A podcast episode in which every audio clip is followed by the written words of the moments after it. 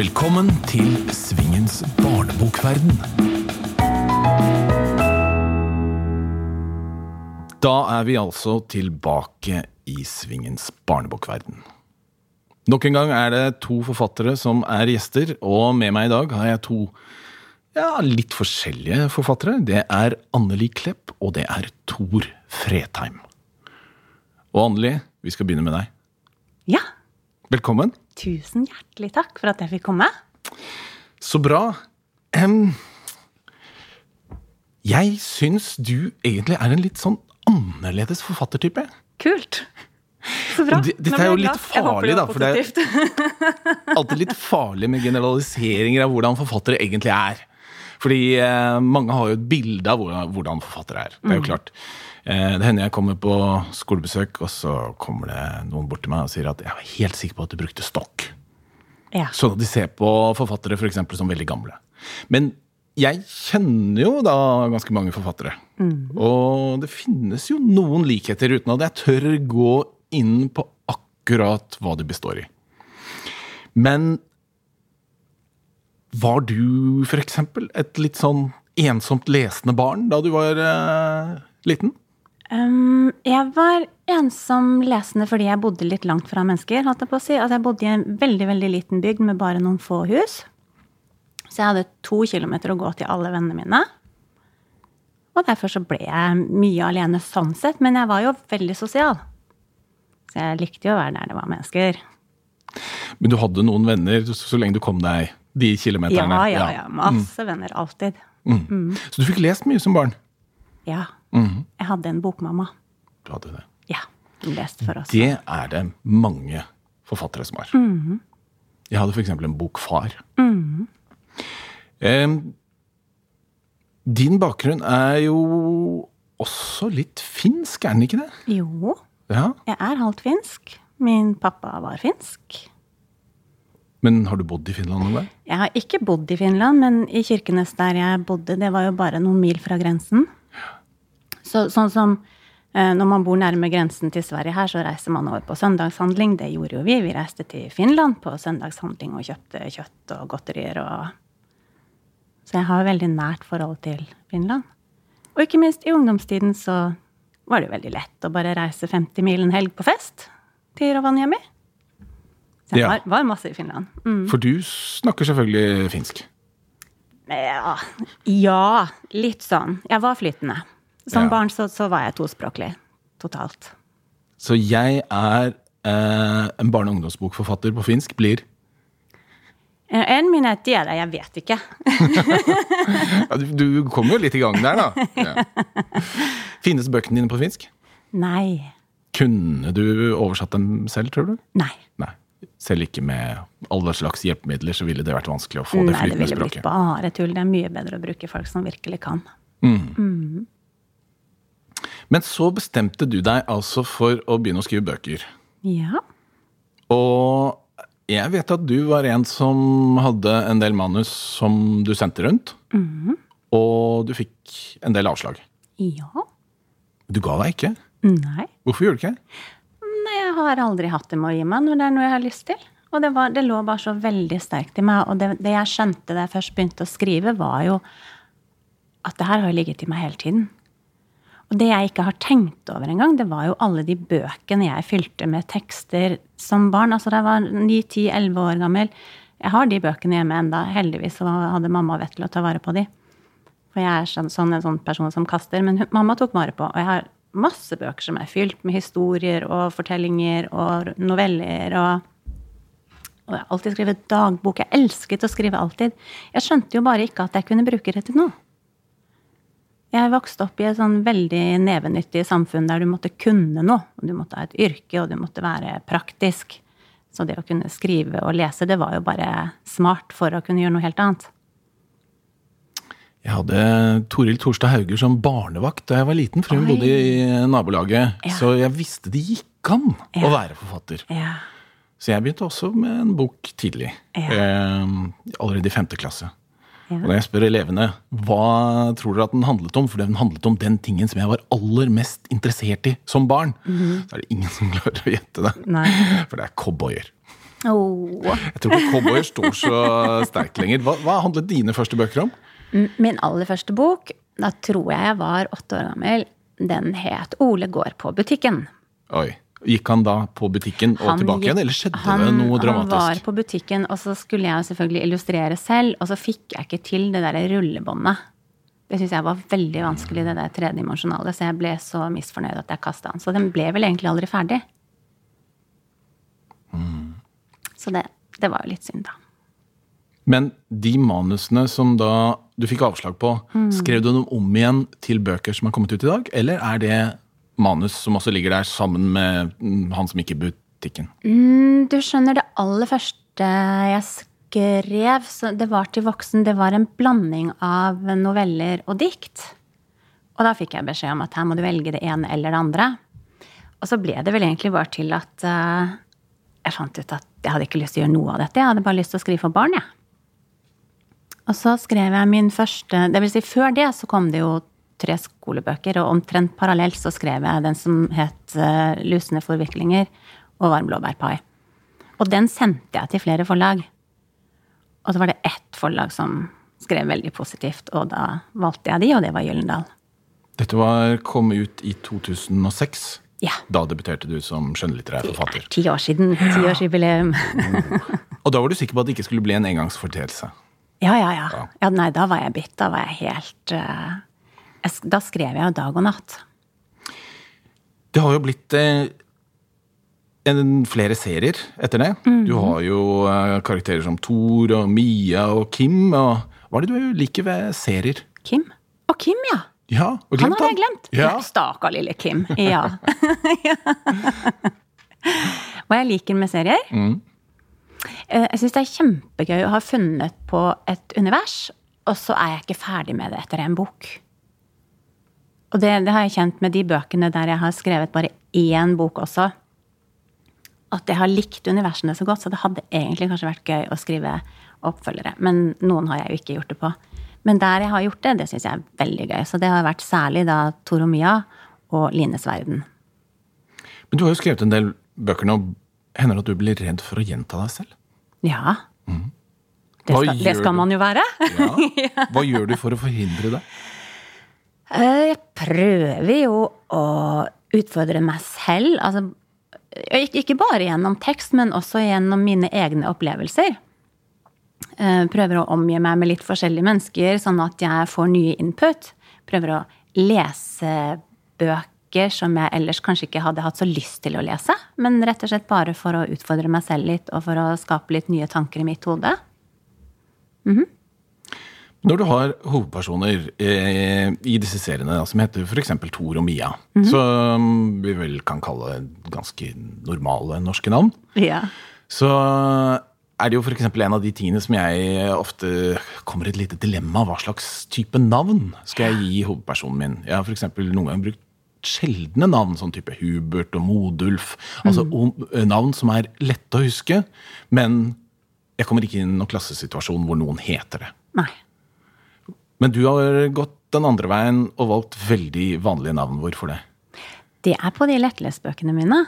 Og det er rett og slett fordi det er korte, lydrette, så det er så enkelt at det er, lett for et barn å lese. Et barn som har akkurat lært seg å lese selv. Mens den første boka mi, 'Den lusende forviklinger og varm blåbærpai', han heter jo Roberto Klingenberg. Oppkalt etter Roberto fotballspiller. På hjemmesiden din så skriver du at du syns du leser for lite nå. Ja. Betyr det at du skriver mer enn du leser? Nei, det gjør jeg sikkert ikke. Eller kanskje jeg gjør det, for jeg skriver jo masse som ikke kommer ut også. Jeg bare, jeg bare har så mye ideer, og så bare må jeg skrive, og så kjenner jeg at nei, jeg gidder ikke å gjøre det her ferdig, men jeg bare legger det bort her, for det bare var en god idé, men nå må jeg faktisk gjøre ferdig det jeg holder på med. Så jeg, en, jeg har et litt travelt hode, da, kan du mildt sagt si. Um, og, og det er også det som skjer når jeg leser. Jeg plukker opp en bok, jeg leser, jeg har virkelig intensjoner om å lese den ferdig, jeg skal virkelig prioritere denne. Og så leser jeg, og så bare kjenner jeg at å, jeg får så lyst til å skrive. Og så er det jo der jeg ender, da. Og så blir boka liggende sånn halvlest, eller Det er kanskje litt synd, det. Jeg får jo veldig sjelden vite hvordan en bok slutter. Ja, kan, Man kan lære litt av det òg, vet du. Mm. Verken du eller jeg har gått noen forfatterskole. Og du sier at du vil utvikle skrivingen på min måte. Ja. Hva legger du i det?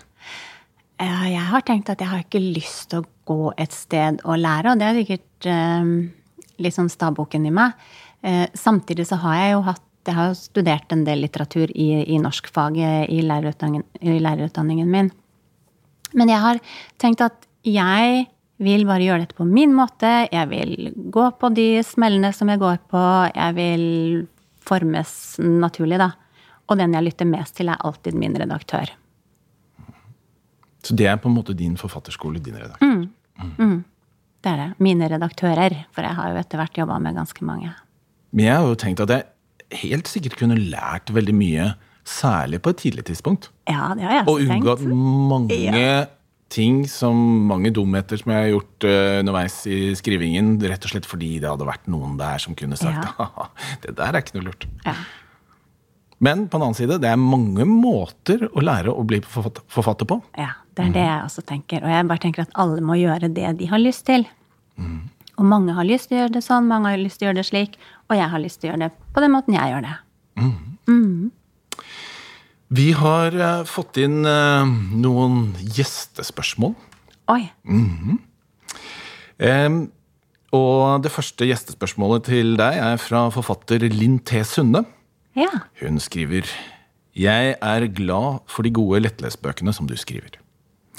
Hvorfor skriver du så mye lettlest, og hva synes du er utfordrende og morsomt ved det?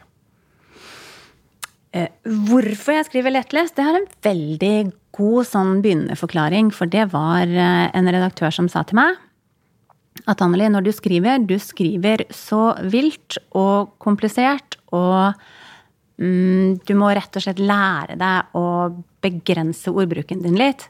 Hva med å skrive lettlest? Knallidé, tenkte jeg. Og dermed så fikk jeg jo også brukt litt min pedagogiske bakgrunn. Og jeg har jo sett veldig mange barn sitte og grine over såkalte lettlestbøker som ikke har vært det, altså i min tid som lærer. De sitter og griner over bøker som er altfor vanskelig, og jeg har tenkt jeg skal skrive bøkene som er før unga begynner å grine. jeg skal skrive de som er gode historier, men du kommer lett inn i. Uten å bruke altfor mye energi på, på det lesetekniske, men at du blir litt dratt med, da. Vi har også fått inn et gjestespørsmål fra forfatter Marit Reiersgaard. Hun skriver Anneli, du har skrevet mange bøker med både store og små barn som hovedperson. Det jeg lurer på er, hvis du skulle ha skrevet en bok med et dyr som hovedperson, hvilket dyr ville du valgt? Og du får ikke lov til å velge hund eller katt. Å ja, nei, det første som kom, var krokodille. Krokodille, ja. Ja. Og hvorfor det? Nei, de er litt pene, da. Og så er de veldig uforutsigbare. Litt skumle. Da har vi jo noen bøker om Johannes, som vel er krokodille. Det ville ikke brydd deg noe om det finnes noe fra før. Nei. Du, det vil jeg jo sikkert. I hvert fall så Altså, det jeg av og til gjør, så ser jeg på hva andre har gjort, og så tenker jeg nå skal jeg gjøre noe helt annet. For det Jeg vil jo virkelig prøve å ikke herme etter noen, da, for å si det sånn. Det er jo mange dyr der ute og veldig bra. Det er mange dyr der ute. Elefanten er jo fin. Det er jo litt en gjenganger igjen, da. Jeg skal snakke litt om titler på bøker. Fordi eh, du bruker ofte litt sånn uvanlige ordkombinasjoner i titlene dine. Sånn uh, bobleløgner. Ja. Eller sprekkehemmeligheter. Um, er dette konstruksjoner du har funnet på, eller er det faktisk type ord du bruker? Det er jo ting jeg har funnet på for dette. Kan vel nevne at den nye boka di som kommer nå, heter Guttespetakkel. Går du rundt og sier nei, nå blir det guttespetakkel igjen? Nei, jeg sier Nei. jo ikke det. Nei. Nei. Nei, jeg sier ikke det. Men jeg syns jo det er et veldig litt spennende tittel, da. Hva ligger i det? Og Vekke, igjen- nysgjerrigheten, rett og slett. Ja. Og dessuten så tenker jeg at eh, alle har vi jo vært i et klasserom. Og alle vet vi at av og til så kan det være litt spetakkel. Og av og til så er det spetakkelet rett og slett guttespetakkel. så, så jeg vil jo eh, gå litt inn i det samtidig som jeg trekker det langt videre. Vi sitter jo her da med den helt nye boka di, Ja. 'Guttespetakkel', Ja. som er en del av Lines verden. Mm, dette er den fjerde. Ja. Og syns du skal bruke et minutt ja, for å fortelle hva denne boka rett og slett handler om. Ja. Det som står på baksiden, da, det er jo at alle gleder seg til å få en ny gutt i klassen. Alle unntatt Line. Hun gleder seg ikke. Det er på tide å legge hemmelige planer. Men så skjer det plutselig litt for mye. Da blir det guttespetakkel på alvor. Og alt begynner egentlig med at Line syns at gutta i klassen er veldig, veldig bråkete. Hun syns de har mer enn nok gutter i klassen. Og så topper det seg da altså Midt i sending av papirfly og kasting av viskelær og sånn en dag, så lander det en lapp på pulten hennes, og der står det 'padde'. Og er det til Line? Er det noen som kaller Line for padde? Og hvem var det som sendte den? Hun blir sittende og spekulere på det. Og finner vel egentlig ut at det er en liten um, link der til Mons. Det må være Mons som har sendt den lappen. Og hun blir jo ganske rasende. Uh, men så er det jo denne læreren, da, Ulf, som kommer, en, kommer dagen etter tror jeg det er, og forteller at uh, nå har jeg en veldig god nyhet. Vi skal få en ny gutt i klassen. Og alle gutta jubler. Og Line sier det er nok gutter i denne klassen. Vil ikke ha flere. Så skjer det masse tull og tøys, og Line er veldig i konflikt med seg selv. Først så vil hun overhodet ikke ha en ny gutt i klassen, hun motarbeider, og så får hun litt dårlig samvittighet. Og så skal hun være veldig hyggelig mot den nye gutten, og så er hun faktisk så hyggelig at når han sier at jeg skal få en halvbror, så sier Line det skal jeg jo!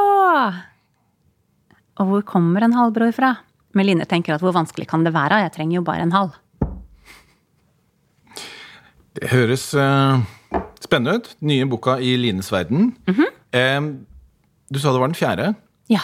Har du da en plan på masse bøker framover som skal komme i denne serien? Eller tar du én bok av gangen? Tar en bok av gangen. Ja. Ja. Men nå er det jo en stund siden du skrev denne. Betyr det at du allerede er i gang med nummer fem? Ja, det betyr vel at jeg skrev nummer fem i sommer og har sendt den til redaktør. Det betyr vel det. Ja. ja. Må ha et sånn lite koselig sommerprosjekt, eller så Men jeg tenker Et eller annet sted burde det jo kanskje stå firetall her. da. Det, det eneste du har, er disse bøkene bakpå. Der er det bilde av de tre andre. Så det viktige er at disse kan leses. De trenger ikke å leses i Nei, du må ikke lese det i rekkefølge. Slett ikke. Men når du uh, skriver sånn som det her Dette er jo da bøker som er jo på en eller annen måte beregnet for barneskolen. Men tenker du noe alder i det hele tatt? liksom? Hvem det skal passe for? Um, jeg prøver å tenke sånn åtte-niåringen når jeg skriver. Eh, ja, det gjør jeg. Og så passer den jo kjempegodt for syvåringen. Den passer som en høytlesning, den passer som lese selv. Ja, men Hvis du får spørsmålet sånn, hvem passer denne boka for? Syv til ni, sier jeg. Gjør det? Jeg vil ofte ikke svare på det. Nei. For jeg vet ikke. Nei. Barn er jo forskjellige, både Eh, utviklingsmessig og. Ja. på andre måter. Så det er jo klart at noen ganger så har jeg jo oppdaget at noen av lettlestbøkene mine har jo ligget på utenlandstoppen på videregående. Ja, ikke sant. Men jeg har sjekket litt. Mhm. Og jeg ser at um, bøkene dine, de er mye utlånt. Bra. Det finnes på uh, statistikker over dette. Står salget til den utlånsinteressen, lurer jeg litt på. Eh, Jeg er jo sånn som ikke tenker så forferdelig mye på salg. Jeg tenker mer på skriving og storkoser meg med det. Men jeg er jo ikke Der er, veldig, misfornøyd. der er du veldig typisk forfatter, forresten. Ja. Men, jeg, men jeg er jo ikke misfornøyd. Og, og hvis dette her hadde vært et uh, tapsprosjekt eller økonomisk risikoprosjekt på noen måte, så hadde jeg jo ærlig talt funnet meg noe bedre å gjøre. Du har jo en ting å falle tilbake på. Du har jo malingen. Jeg har jo malingen! For du er maler, du. Jeg er bildekunstner. Ja. Ja. Og der har du Jeg vet du har bilder til salg, så du må Ja, ha noe ja. inntekter der. Ja. Ja, ja. Rett som det er. Utstillinger òg. Det er en stund siden jeg hadde forrige gang, for det er ganske tidkrevende og energikrevende. Og Nå har jeg prioritert skrivingen. Men eh, at det er noe jeg skal gjøre mer av, det er helt sikkert. Mm. Hva med å illustrere bøker? Nei. Ikke? Det vil bare bli tull. Ja, men alle illustratører Nei, du, jeg, jeg er ikke sikker. Og, altså, jeg, har, hvert fall, jeg har blitt så gammel at jeg har skjønt du skal aldri si aldri. Så, men sånn som jeg tenker på det nå, så, så er det ikke noe sånn umiddelbar terrang. For alle illustratører Mm. begynner jo å skrive bøker selv. Ja, Så vi forfattere burde jo kunne begynne å illustrere bøker. Ja.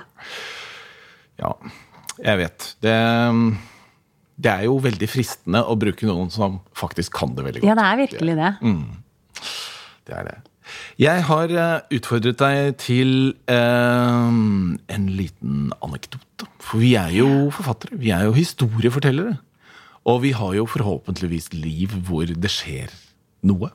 Så jeg har lyst til å få deg rett og slett til å fortelle en historie fra ditt forfatterliv. Ja. Og dette har jeg tenkt på, Arne. Jeg har tenkt og jeg har tenkt og jeg har tenkt. Og hva konkret skal jeg velge? Men så kom jeg på noe som jeg opplevde for ca. ti år siden. Og det var da jeg hadde skrevet den første barneromanen. Som jeg nevnte i stad, 'Lusne forviklinger og varm blåbærpai'. Så er jeg på et stort party med ja, 200-300 mennesker. Og plutselig så står jeg og snakker med Ulrik Mugstad, som er læreren til Roberto i boken. Og det vet jo ikke han som står der og heter noe helt annet. Og jeg hører han snakke, og jeg tenker du har jo feil stemme, og dessuten så snakker ikke du om sånne ting. Men så utrolig kult at du har briller! Så jeg står bare med sånne tanker i hodet og føler at jeg ser min egen romanfigur. Mens han stakkar står jo der og er seg selv. Det ble jo kanskje ikke noe veldig bra samtale, men det syns jeg var veldig morsomt. Og det er ikke veldig lenge siden jeg opplevde Line, Emma og Eva som var ute og gikk tur med hunden Birk. Og det er jo fra Lines verden. Og da var jeg bare sto helt sånn fjetret, og jeg har jo så lyst til å bare snike øret inn på samtalen, og de var bare så utrolig søte og prikk lik de karakterene som jeg har skapt, da. Og det har jeg også opplevd og funnet Roberto, og bare wow, du er jo Roberto. Og det syns jeg er morsomt, hvordan jeg skaper mennesker, og for meg blir det helt levende. Og jeg er helt sikker på at akkurat den personen fins jo ikke. Og det gjør det jo ikke heller med den personligheten og sånn, men når, du, når, du, når jeg ser dem i levende livet, så blir jeg litt sånn wow! Dette var kult. Så bra. Nå skal vi få inn uh, dagens andre gjest. Det er Tor Fretheim. Han er på vei inn i studio her nå med bestemte skritt. Velkommen, Tor. Hei. Så hyggelig at du ville komme. Fint å komme hit. Ja, da er vi eh, to forfattere på plass. Og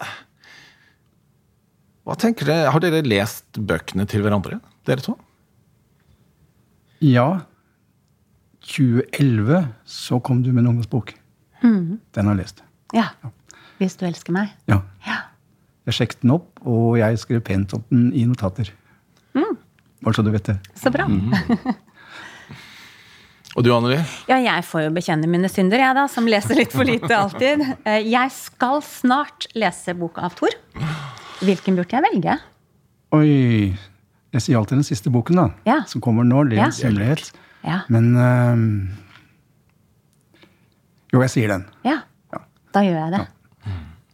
Eller eh, Kjære Miss Nina Simons var den forrige boken min, som jeg syns selv da, har så fin form. Mm. Syns det er så god komposisjon i den. Ja. Men det er vel også fordi jeg er veldig glad i Nina Simon, ja. sangerinnen. Så, så Det er jeg òg. Absolutt. Veldig flott dokumentar om henne som er eh, laget nå. Mm.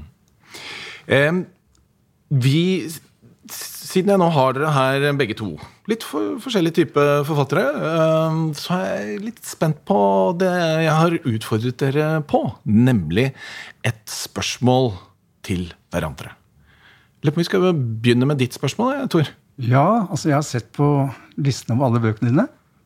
Var så imponert at du klarer å skrive så mye. Da stiller jeg det spørsmålet som jeg av og til får i klasser. Er du redd for å gå tom? Nei, jeg er ikke redd for å gå tom. Og det er bare fordi at uh, verden er så svær. Og det er så mye forskjellige mennesker, og det er så mye forskjellig tematikk. Det er så mye å gripe tak i. Og det jeg også syns er spennende, er jo at to, fire, seks forfattere kan jo gripe tak i nøyaktig det samme. Og så blir det løst på helt unike måter. Så, så det er så mange måter å skrive ting på. Og alle har vi jo hver vår unike forfatterstemme. Så nei, jeg er ikke redd for å gå tom. Men er det også sånn at du har et helt lager med ideer som muligens kan bli bøker en eller annen gang? Ja. Jeg har jo det. Det har jeg jo. Det er veldig lurt. Anneli, eh, ditt spørsmål til Tor? Ja, jeg også har jo lest litt om deg, Tor. Og så ser jeg at du har jo holdt på i mange flere år enn meg. Og så tenker jeg, klarer du å si noe om, om forskjellen, for du debuterte i 82? Mhm. Klarer du å si noe om forskjellen på å være barne- og ungdomsforfatter da og nå? Ja, altså jeg debuterte med 'Markus kjenner ikke Supermann'. Og den ble utgitt som ungdomsbok i 1982. Det ville vært en barnebok i dag. Ja. Det er jeg helt sikker på. Den På Wikipedia så er den omtalt som barnebok. Ja, flott. Så det, Da, da er den blitt det. det må ordne. ja. Blitt yngre med årene. Men mener du dette har noe med hvordan forlagene tenkte, eller var- rett og slett ungdommen mer barnslig den gang? De er mer modne nå. Ja. De kan mye mer. Og det var litt på kanten den gangen, da. Fordi øh, det er to gutter som er tolv år. Og de kysser hverandre litt, og så ser de på hverandre, og så runker de litt sammen. Og det ble jeg kalt Jeg var i klasser. Jeg leste ikke akkurat disse, de, de sidene der, men jeg ble kalt for barnegris og barneporno, var det noen 12-13-åringer som sa. ja. Så- Ikke lærerne, altså. Nei, ikke dette var. Nei, dette ungene ja, sjøl. ja. Så var det Jeg dramatiserte den for NRK. Og hadde valget mellom å sende den i barnetime eller det som het Ungdommens radioteater den gangen. Og mm, hvis de skulle onanere sammen, så måtte det komme i Ungdommens radioteater. Hvis de bare skulle kysse, så kom det i barnetimen. Nå kom de i barnetimen, så var de store, da. Og det ble bråk. Av den første boka mi. Så jeg ble kalt opp uh, av en eller annen onkel, husker jeg ikke hvem det var, som måtte sitte og forklare meg litt. Og berolige foreldre. Men var ikke det en fin måte å begynne karrieren på, med litt bråk og oppmerksomhet? Den solgte bra. Ja. Ja. ja. Og jeg En av dine bestselgere? er ja, og jeg fikk debutantpris på den, så det var jo sånn veldig pangstart. Det kom i flere opplag. Så det var en veldig, veldig hyggelig start. Så um, skrev jeg to bøker til da, i 86, og da ble forfatter på heltid. Ja. Men sånn som den boka som da kom i 82 uh, Det begynner å bli noen år siden. Er det sånn at du Har du titta på den i nyere tid? Nei, Nei. det gjør jeg ikke. Nei. Det, det klarer jeg ikke. Nei, men. Er, er, det, er det ikke noe Nei. som er litt fristende med det Jo. òg? Altså, liksom, var den god? Hva vil jeg synes om den i dag? Fordi nå har du jo fått et viss avstand gjennom disse årene. Nei, jeg jeg er litt redd for den. Kanskje jeg blir flau. Kanskje si at skrev jeg sånn? Det er noen bøker som jeg er veldig imponert over jeg har skrevet. Som jeg går inn og leser. tenkte jeg, gud, klarte jeg å skrive sånn? Det klarer jeg ikke nå, for nå skrev jeg på en helt annen måte. Helt annen stil. Så Nei, det, hvis jeg leser en av bøkene mine, så er det fordi jeg vil finne et avsnitt som jeg kan bruke på skoler. Altså kan lese høyt. Og veldig ofte mens jeg skriver, så tenker jeg ut jeg kommer til et sted hvor jeg ser, "Det- Dette kan være en side hvor jeg kan lese høyt. Og da jobber jeg mye med den siden eller kapittel for å kunne bruke det. Tor, nå er vi allerede i gang med din eh, mangslungne forfatterkarriere. Og eh, det skal vi prate mye mer om. Men først så skal vi si tusen takk til deg, Anneli. Tusen takk for meg. Det Ja. var kjempegøy å være her. Så eh, nå skal du få høre alt om eh, det som Thor har bedrevet i løpet av Og eh, jeg gleder meg til å høre. disse årene. Du har jo eh, Du debuterte jo i 1982. Men eh, du har jo ikke en bok hvert år, sånn som eh, noen av oss andre forfattere har. Det går ofte litt eh, tid imellom. Det kan gå veldig lang tid. Denne gangen har det gått tre, nesten fire år før jeg skrev forrige bok. Og mm, det var vel derfor jeg stilte spørsmål om man er redd for å gå tom. For jeg trodde kanskje på siste bok at jeg var gått tom. Men så hadde jeg et tema som eh, jeg ville jobbe med, mer med, og skrev det i flere omganger. og ja, Dere snakket i stad om og på forfatterskole. altså Jeg har hatt veldig gode redaktører.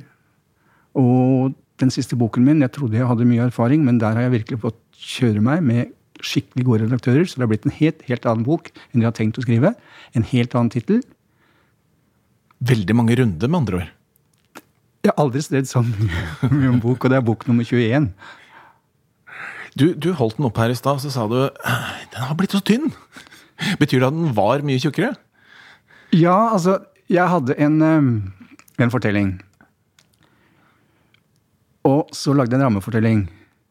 Og den hovedfortellingen min, den sa forlaget at, eller redaktøren min at hadde to eller tre redaktører på den, så jeg tror jeg slet ut. Hun sa at den var ikke interessant, men jobb med rammefortellingen. Så ble det rammefortellingen. Og jeg har kuttet ned og kuttet ned, og det gjør jeg alltid. altså Skjærer mye. Jeg jobber veldig mye med språket, og alle bøker jeg har skrevet, har vel vært to-tre ganger større enn det, det som er resultatet til slutt.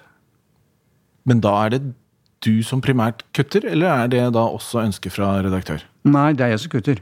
Oi. Vi, altså, vi, vi diskuterer så klart. Ja. Ikke sant? Det gjør vi jo. Altså, det, og jeg har aldri Jo, en gang har jeg vel brutt med forlag og redaktør. Én gang. Det er lenge siden. Og det, det er ikke noe bitterhet, eller noe sånt, men sånn ble det. Det er jo ikke alle redaktører man jobber så godt med. Nei. Nemlig. Det merker man. Det er ikke personlig, det er profesjonelt.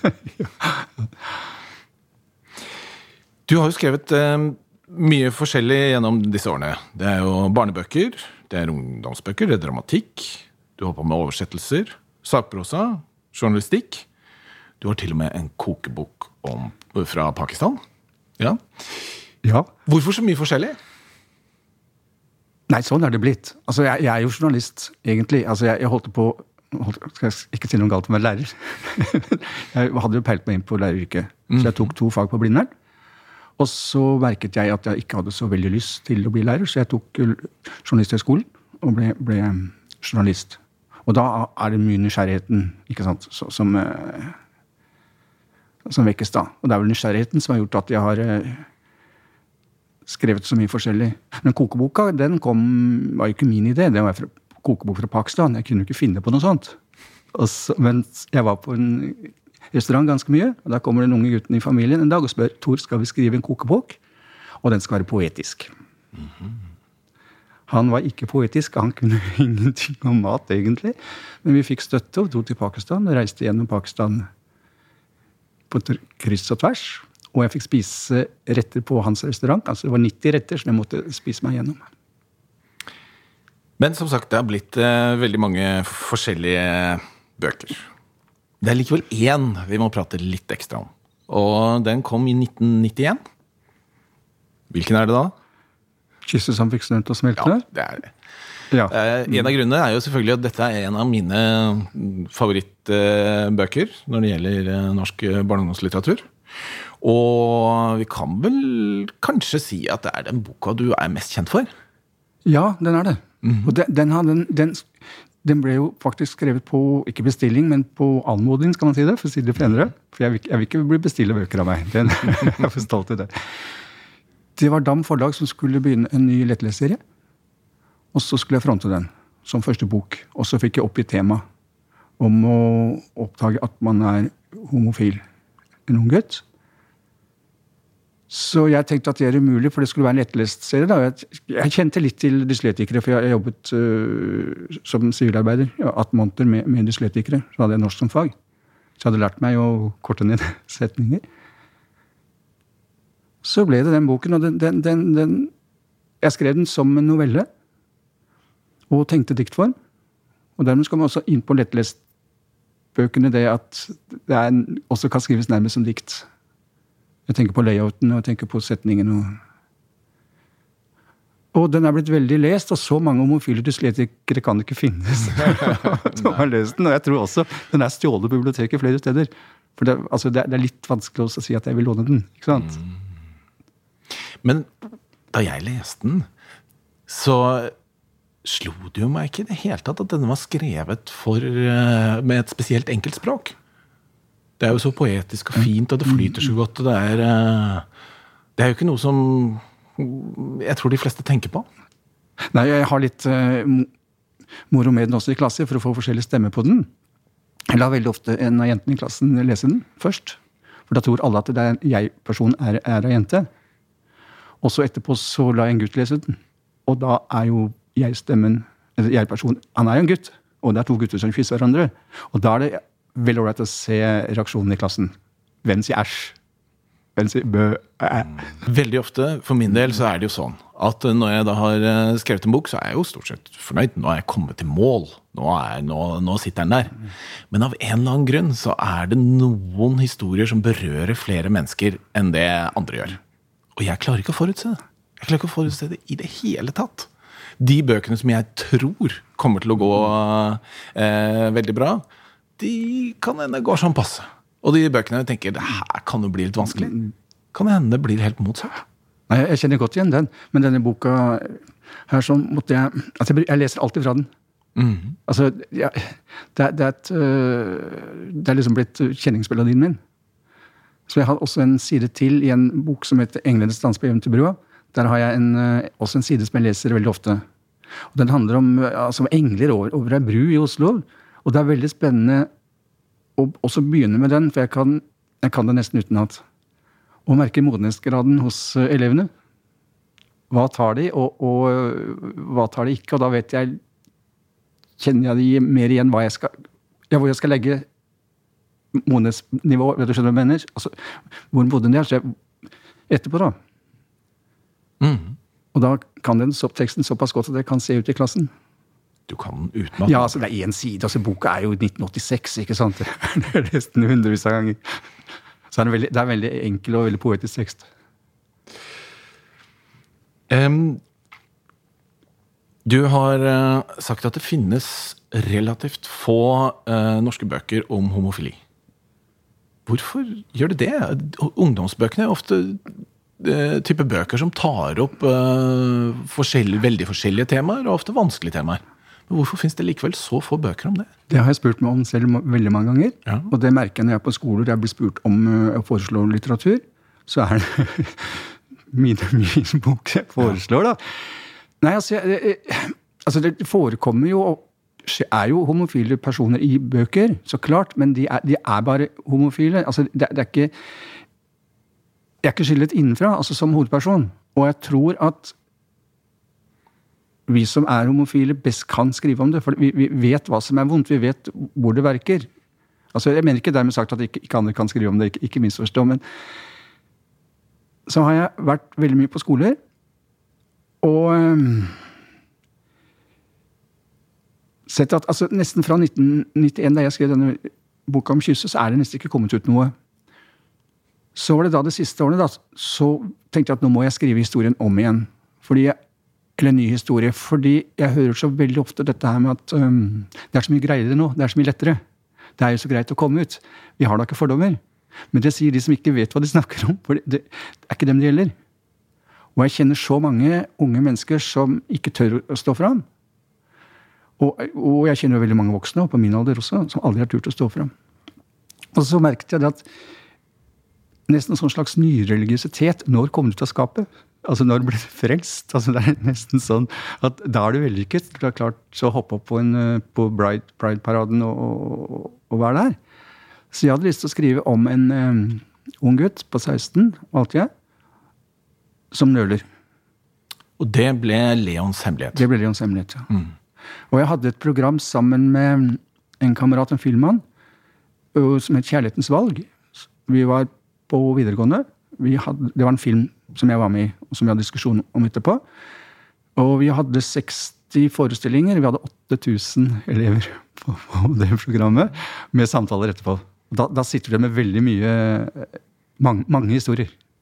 Og det er mye av de, de historiene jeg har brukt i, i denne nye boka. Men likevel så trodde du ikke at du skulle skrive mm, noen flere bøker. Nei, jeg Hadde du liksom tenkt at nå er jeg pensjonist, nå er jeg ferdig? Ja, jeg hadde trodd det. Ja. Og så hadde jeg ikke veldig lyst egentlig til å skrive enda en ny bok om homofili. For jeg tenkte at jeg vil ikke bare være den homofile forfatteren. Ikke sant? Jeg skriver om veldig mye annet. Men så, så ble det denne boka, da. Og så eh, Det er ikke sikkert at dette blir den siste boken. For det, Det er farlig å garantere sånt. ja, jeg er kommet veldig langt på nytt manus. Du har det, Ja. Ja, ja, ja. Og, den, og det, det Leons hemmelighet er en stilbok. Nå har jeg ikke lyst til å skrive en stilbok neste gang. Nå, nå har jeg lyst til å provosere igjen. For um, det er ikke meningen å være frekk, men uh, kan jeg spørre om hvor gammel du er? Jeg er 70. Ja. Ja, det, ja. Og hvordan er egentlig pensjonistlivet for en forfatter? Er man pensjonist? Nei. Nei. Det er så flott. Altså, nei, jeg har, jeg har vært uh, frilanser fra 1986, så har jeg ikke noen forandring. Det som er forandringen, er at jeg får pensjon. Det er som å få et arbeidsstipend. Og det kommer penger på kontoen hver eneste måned. Så det er egentlig bare å se fram til det der. Ja, så jeg får jo oversettelser. Jeg har jo nå liggende hjemme tre-fire oversettelser. De, de er små, men det, de er, de er billedbøker, og det er lettlesbøker. Og jeg har jo skolebesøk. Så Nei, så Det beste med det er at, vi, at jeg får pensjon. Ja, det høres bra ut. Um, men eh, likevel. Leons hemmelighet, som eh, kommer ut nå i høst. Jeg syns du skal fortelle bitte lite grann om selve historien din. Ja. Det er en gutt som heter Leon, da, som er 16 år. Som, han er veldig glad i filmer.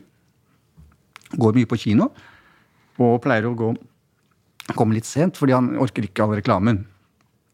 Og så Denne gangen så løper han, skal han til å løpe inn, og der står det en gutt som spør om han vil ha en fribillett. Og han tror det er skjult kamera eller noe sånt, men tar imot og blir sittende sammen med denne gutten på kino. Og bare merker hvor godt det er å sitte ved siden av ham. Det skjer ikke noe mer der.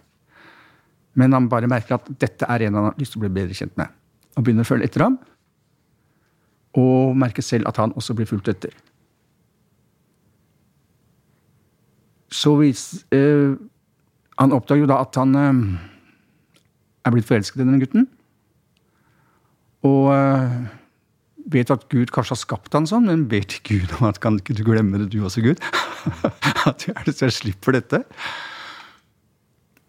Etter hvert så får de jo kontakt, disse to gutta, og så uh, Bendik heter kameraten. Han er åpen hjemme. Så forteller jeg også hans historie. Han får veldig mye trøbbel fordi han er åpen. Han har en far som ikke godtar det. Mens Leon, som ikke forteller til noen, kanskje har det bedre, så lenge han klarer å, å være taus om det. Og det er dette her jeg, jeg har lyst til å problematisere litt i boken. Er det bedre å være taus som en hemmelighet, eller være åpen? Men akkurat den problemstillingen med foreldre som da ikke godtar det, eh, har jo man vært borti tidligere på film og i bøker. Hvor eh, vanlig er det i dag? Jeg vet ikke hvor vanlig det er, men det skjer. Men jeg tror det er mye lettere å komme ut nå enn, enn før. Altså, det er jeg helt sikker på. Altså, vi har jo rettigheter, diskrimineringsparagrafer, vi kan gifte oss i kjerka snart også. Så det er klart det er mye bedre å, å komme ut. Og jeg kjenner masse foreldre også som har homofile sønner og, og døtre som det er helt right. Det er ikke det, men eh, jeg tror likevel det er den der kampen inni deg for å tørre å, å stå fram. For å tørre å ta reaksjonene fra mor og far. Eller fra bror og søster. Den, den tror jeg kan være like hard. Men jeg tror nok hvis det først har kommet ut, så, så for veldig mange så er det mye bedre enn før. I hvert fall enn da jeg, da jeg var ung. Da var jeg, vet, altså jeg var jo vettskremt. Altså, det var jo forbudt å kunne bli nektet innreise til USA. Mm. Du, du fikk, kunne få uh, Det var et psykiatrisk tilfelle. Vi ble sett på som psykiatrisk syke hvis du skulle inn i militæret og ble frikjent. Så det er klart, da holder du kjeft om noe. Ja, for du skriver eh, Du har skrevet eh, noen forskjellige tekster i forbindelse med den nye boka di. Eh, og der eh, skriver du annet en venn eh, En som jeg trodde var en venn, sa til meg at det var bra at det ikke syntes at jeg var homofil. Ja. Den er helt ny. For da provoserte du Nei, den er helt ny. Det er, det? ja, Ja. det er det, er like gammel som meg. Ja. En, det var en dame, jente. Ja. Det kunne godt vært sagt av en mann. Nei, da, vi satt, det var, så greit, provoserte ikke, for du syntes ikke på meg. Og da var det ikke så leit for henne å sitte sammen med meg heller. Den hører du. Så hvis du da hadde vært litt mer vært sånn Hatt en boa og litt Ja, eller, rosa eller, skjorte og eller, ja, eller virket litt mer med, med, med, med håndledder eller noe sånt. Ja, For det hadde vært provoserende. Det hadde vært provoserende. Men vi, vi begynte å snakke om det å kysse hverandre på åpen gate. Hvor øh, de hadde sett øh, to gutter kysse hverandre. Og da spurte jeg dem har ikke deres, og De syntes det var forferdelig at man gjør det på åpen gate. Og da spurte jeg om de da de var unge, hadde kysset kanskje kjæresten sin på åpen gate. Altså en mann og gutt og jente. Men det var helt all right. Det var Da, vi kom inn på denne Jeg har lyst til å stille deg et spørsmål om, om akkurat rundt uh, den problemstillingen. Fordi jeg skrev en gang uh, var faktisk et hørespill som uh, handlet om fotball. Og i fotballverden så vet vi jo at det er eh, Der finnes det jo ikke homofile, tydeligvis. For det er i hvert fall ingen som står fram. Så akkurat det der med fotballgarderoben er veldig vanskelig. Og jeg har jo vært i de garderobene sjøl, og der er, henger jo ofte går det en del kommentarer som er eh, hva vi kan kalle nedsettende i forhold til homofili. Det vil jeg si er ganske vanlig i en del fotballgarderober jeg har vært oppe gjennom årene. Problemstillingen min var da skal jeg late som det ikke eksisterer, eller skal jeg ta det med i mitt hørespill? Hva tenker du om den problemstillingen som forfatter? Det vet jeg ingenting om. Altså, det er jo Det valget du måtte gjøre der, det eh... Nei, jeg vet ikke.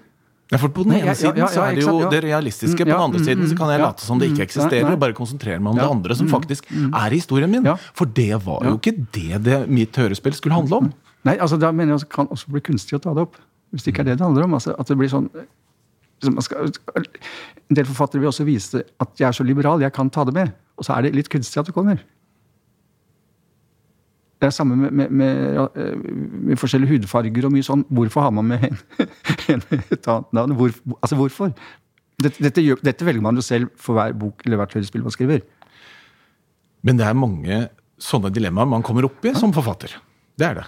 Eh, og på den ene siden så ønsker man å ta hensyn, på den andre siden så ønsker man jo å lage en slags beinhard realisme. Da. Det er jo liksom uh, reflektere det som faktisk skjer der ute. Nei, Jeg har blitt litt redd også, fordi i flere bøker så har jeg gutter som er venner, og som legger armen rundt hverandre, og da har de liksom Å, de er hobo. Ikke sant? Altså At, at alt, alle gutter jeg skriver om, er homo. Det, det, det er- hender jo gutter legger armen rundt hverandre. Det syns jeg forandret seg litt. Ja. Det der at eh, da, da jeg var ung, så kunne vi jo ikke ta noe særlig på hverandre. Nå syns jeg de henger rundt hverandre, og det er klemmer, og det er alt mulig rart. Så, eh, så der syns jeg egentlig det har gått i riktig retning. Ja, jeg har fått en del reaksjoner fra lærere som har fortalt meg hva gutta i klassen snakker om. Vi har eh, fått inn noen gjestespørsmål til deg også. Vi eh, har eh, fått inn eh, et spørsmål fra forfatter Linn T. Sunde. Hun skriver Du skriver flotte bøker om ganske tunge temaer. Det hender at jeg gjør også, og da blir jeg ganske sliten. Gjør du det? Og hvordan avreagerer du? Ja, jeg blir sliten. Det er derfor jeg bruker så lang tid på å skrive bøker også. Og det er jo journalisten i meg som uh, gjør at jeg driver veldig mye research. Det er jo nett en velsignelse, for du kan jo intervjue mange der og har historier som har slått meg fullstendig ut. Og det er vel det som gjør at jeg ikke klarer å skrive videre med en gang. Det er vel også det som gjør at jeg er veldig glad i å oversette bøker helt annerledes enn det jeg selv skriver. Jeg oversetter, jeg den siste oversetteren av Mamma Mø-bøkene. Jeg har oversatt tre-fire stykker av dem, og de er nå Det er en fin måte å avreagere på. Og Lasse Maja detektivbyrå, som oversetter fra svensk, som har kommet bok nummer 22 kommer nå. Veldig fin måte å avreagere på. Da er jeg inne i en helt annen verden. Og, Mamma Mø er, ikke, er jo ikke komplisert på den måten. Vi har også uh, fått inn et uh, gjestespørsmål fra forfatter Marit Reiersgaard. Hun skriver Tor, du har fått mye ros for det poetiske språket ditt, og du skriver mye om hemmeligheter. Du har også en bror som er veldig engasjert i Kongsberg Krim. Når kommer din første diktsamling og skråstrek eller kriminalroman? Jeg er litt på siden i forhold til barne- og Ja, ja, jeg, jeg kjenner den med broren min, ja. Nei, altså, jeg syns den siste boken min nesten er en diktsamling. På mange måter. Og krim, jo, altså Jeg har skrevet en bok som heter Alltid Andreas. Som er, det er en krim. Det er en som eh, tenner på skolen. Og hvorfor gjør han det? Og blir han tatt? Jeg skal ikke fortelle mer om den. Eh, Kjære Miss Nina Simon Mon handler om uh, hvorfor drepte far mor. Og hvordan kan sønnen og faren forsones? Kan de det Det er en ting som jeg har eh, lurt litt på. Og for det, du har jo da sittet i eh, noe som heter eh, Ja, Utvalget for innkjøpsordningen. Jeg er sannelig ikke sikker på hva det, hva, det, noe sånt det heter. Ja. Og der sitter du da, har du sittet og lest andre forfattere og bestemt om de da skal inn i ordningen hvor de blir sendt til alle norske biblioteker. Og så må du jo faktisk såkalt nulle noen, altså avvise noen kollegaer. Hvordan har det vært? Det kan være veldig sårt, men det kan også være Ja, det er veldig sårt hvis det er nå, nå, må jeg være veldig forsiktig hva jeg sier. Det er veldig sårt hvis det er noen uh, som jeg kjenner. Men du merker Altså, de De fleste manuller er ikke etablerte forfattere. Det er veldig mange manuller som kommer ut på kjøkkenbordforlag.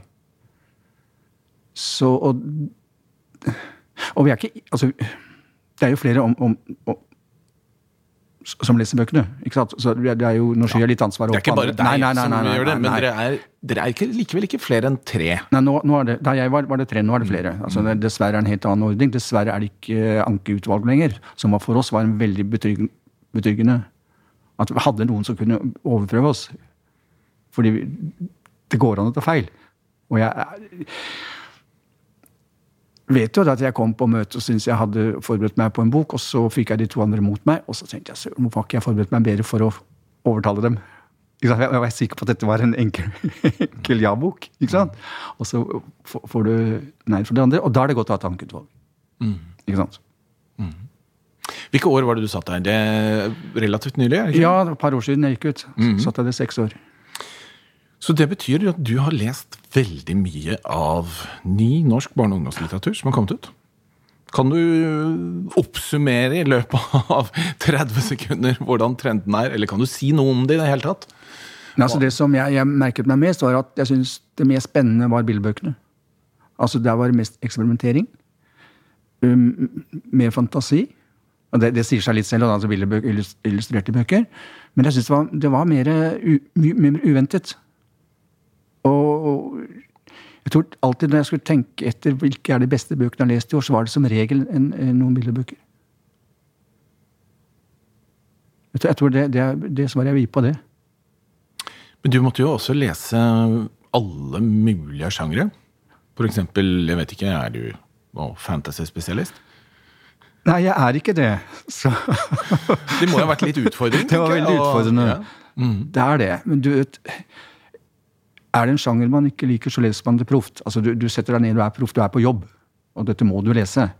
Og dette skal du sette deg inn i. Og, og, og du, om jeg ikke er elsker akkurat fantasy, så, så vet jeg, kan jeg jo lese kvaliteten på den. Jeg kan jo lese er dette bra eller er det dårlig. Så øh, problemet er at de er så fryktelig lange. Ikke sant? Det kommer ut mer fantasy nå enn tidligere, stemmer, stemmer det? Eller? det vet jeg ikke siste årene. nei. Det vet jeg ikke. Jeg Men i forhold til f.eks. ti år siden? Ja, det gjør det. Men jeg lurer på om du dabber av igjen. Nå, nå, nå snakker jeg om ting jeg ikke har peiling på, for nå har jeg ikke lest det på på et par år. Jeg har utfordret deg også til en liten forfatteranekdote. Du har jo et eh, langt forfatterliv, så nå er jeg spent. Ja, jeg har jo tenkt litt på det, da. Men ehm, det er en episode jeg husker veldig godt, og som gjorde veldig inntrykk på meg. Det er dette når man, mange elever spør er det gøy å være forfatter, og jeg sier ja, det kan være gøy, det kan ikke være gøy, men det er jo av og til veldig gøy når du møter lesere, møter klasser. Så var det på en turné som jeg fortalte om, som heter 'Kjærlighetens valg', som da var en film og handlet om, da, om religion og homofili. Vi skulle i et fengsel ha fanger som vi skulle vise en film for, og snakke om homofili og om følelser, om religion. Og det var vel en 20 stykker av innsatte, og Eirik Sandaker og jeg. Og vi var, vi var fryktelig nervøse, vi visste ikke Tar disse vårt tema?